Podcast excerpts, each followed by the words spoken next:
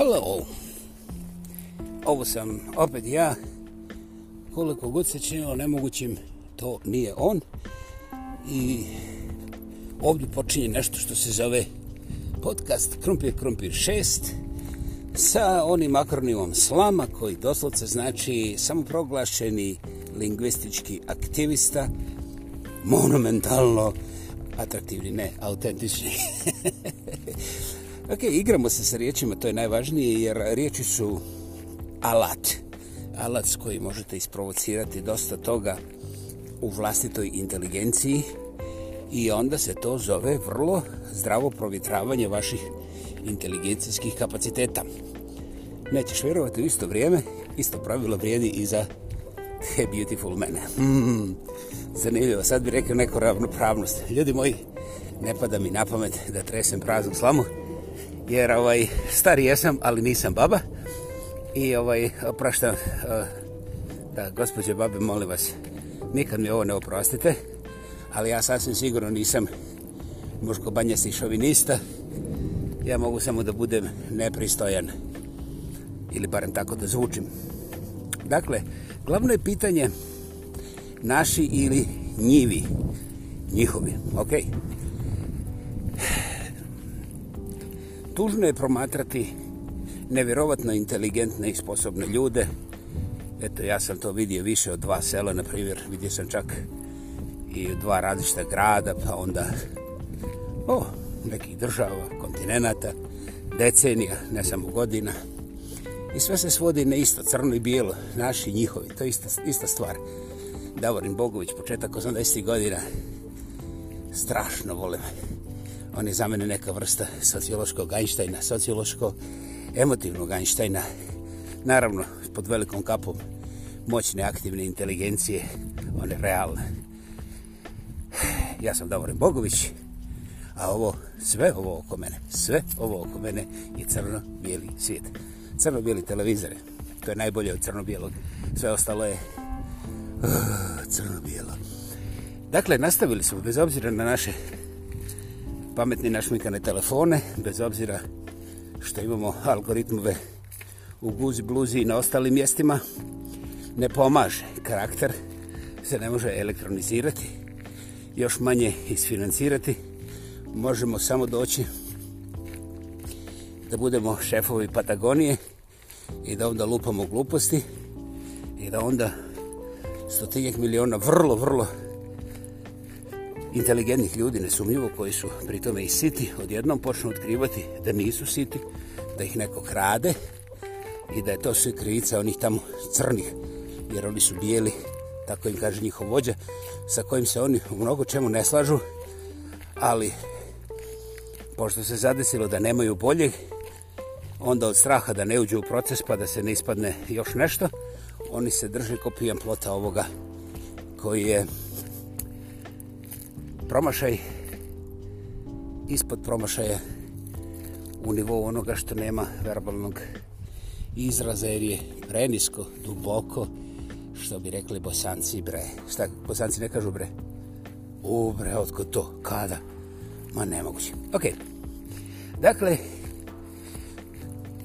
ne možemo u stvari možemo, izvolite nastavite e, ovo, pošto je ovo moj podcast, ja ću nastaviti po ovome.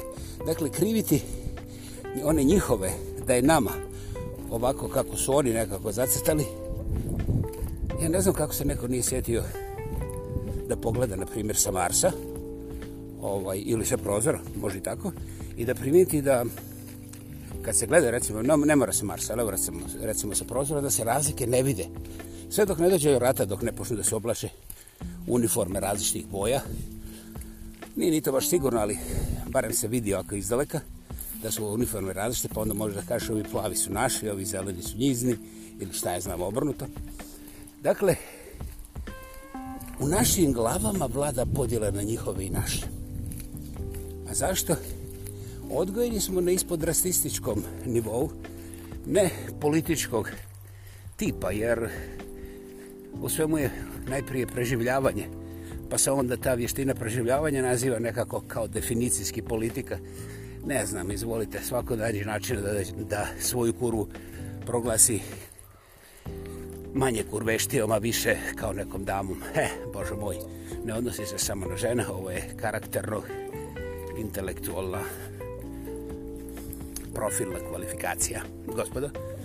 A ovaj, i sada od samoga prvog kontakta sa svijetom postoje naši njihovi I onda se mi čudimo zašto smo toliko fragmentirani i zašto stvar koja se može uraditi za 10 dolara uglavnom radimo preko 10.000 mrtvih i 10 milijardi dolara dodatnih troškova.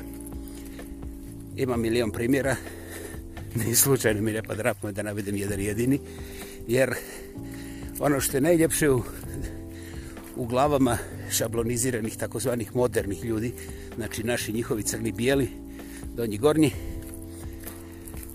nijedna činjenica ne igra ukoliko nije iz našeg tabora. Dobro, prihvatamo mi, mi smo objektivni, mi ćemo prihvatiti, na primjer, da kiša ovaj...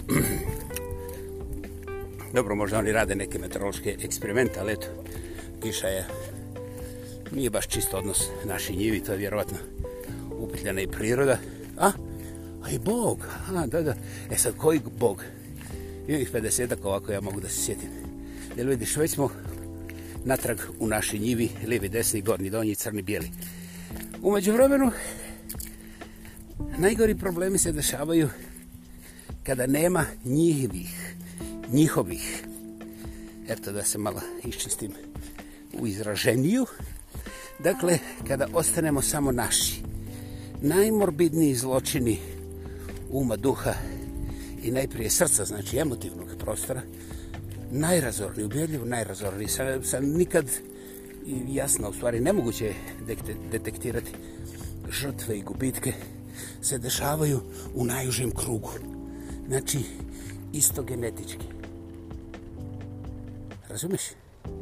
Ne razumiš? A ovaj, sad ću ja propustiti ove da prođu.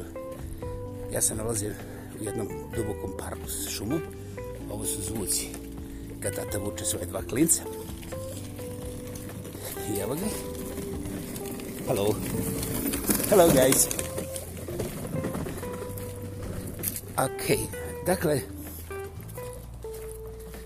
i ljudi kada im to kažeš jednostavno ne veruju, oni su uvjereni da ti problemi unutar tog prvog kruga, znači familije, obitelji, porodice, kako hoćete, te family, da se to dešava kod pere, dobro, kod muje najčešće, jer muju i fata, razumiješ, tu smo i safatali, mislim, raskrinkali smo ih i svaki dan ih raskrinkavamo iznova i ne razumijemo da su i muju i fata barem sto put inteligentni od većine nas prosječnih koji se ne zovemo muju i fata. Hm, zanimljivo. To ne bih objašnjavao. Znači, ovdje se već potrošio cijelih 8 minuta i po prirodi pretjeranog brbljenja moram zaključiti. Jo, kako je lijepo.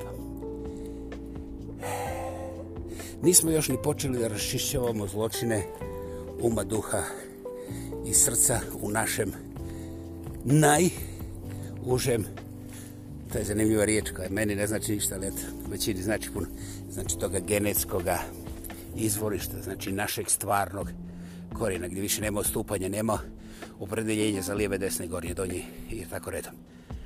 Dakle, ljudi moji, dobro bi bilo koristiti ogledala, u stvari bi to bilo monumentalno i velika je moć primijetiti da postoji strašno puno moćnih, monumentalno važnih stvari u životu koje bi meni mogle koristiti, ali ja nisam bio voljan da otvorim oči. Eto, to je taj prvi korak, otvoriti svoje oči, ne da se složiš sa mnom, nego da primijetiš jednu svoju imperfekciju.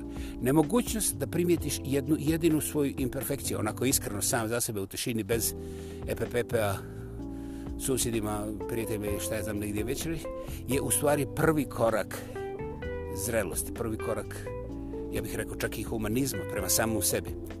Dakle, da li istinski možete da prepoznate barem nešto što je strašno važno za vas, a vi o tome pojma nemate ili to niste pogledali ni poslušali zadnjih 20 godina. Najozbiljnije, uvjeren sam da će bar neko razmisliti. Ne tražim odgovore, ali sam veoma zahvalan svima koji to pokušaju, jer negdje u svemiru postoji moćan trag dobroga i on uvijek rezonira sa boljim. Hvala vam i ugodan dan, noć, zora, predveče ili bilo šta već trošite. Ja sam na trećoj šljivici. Ćao, bao!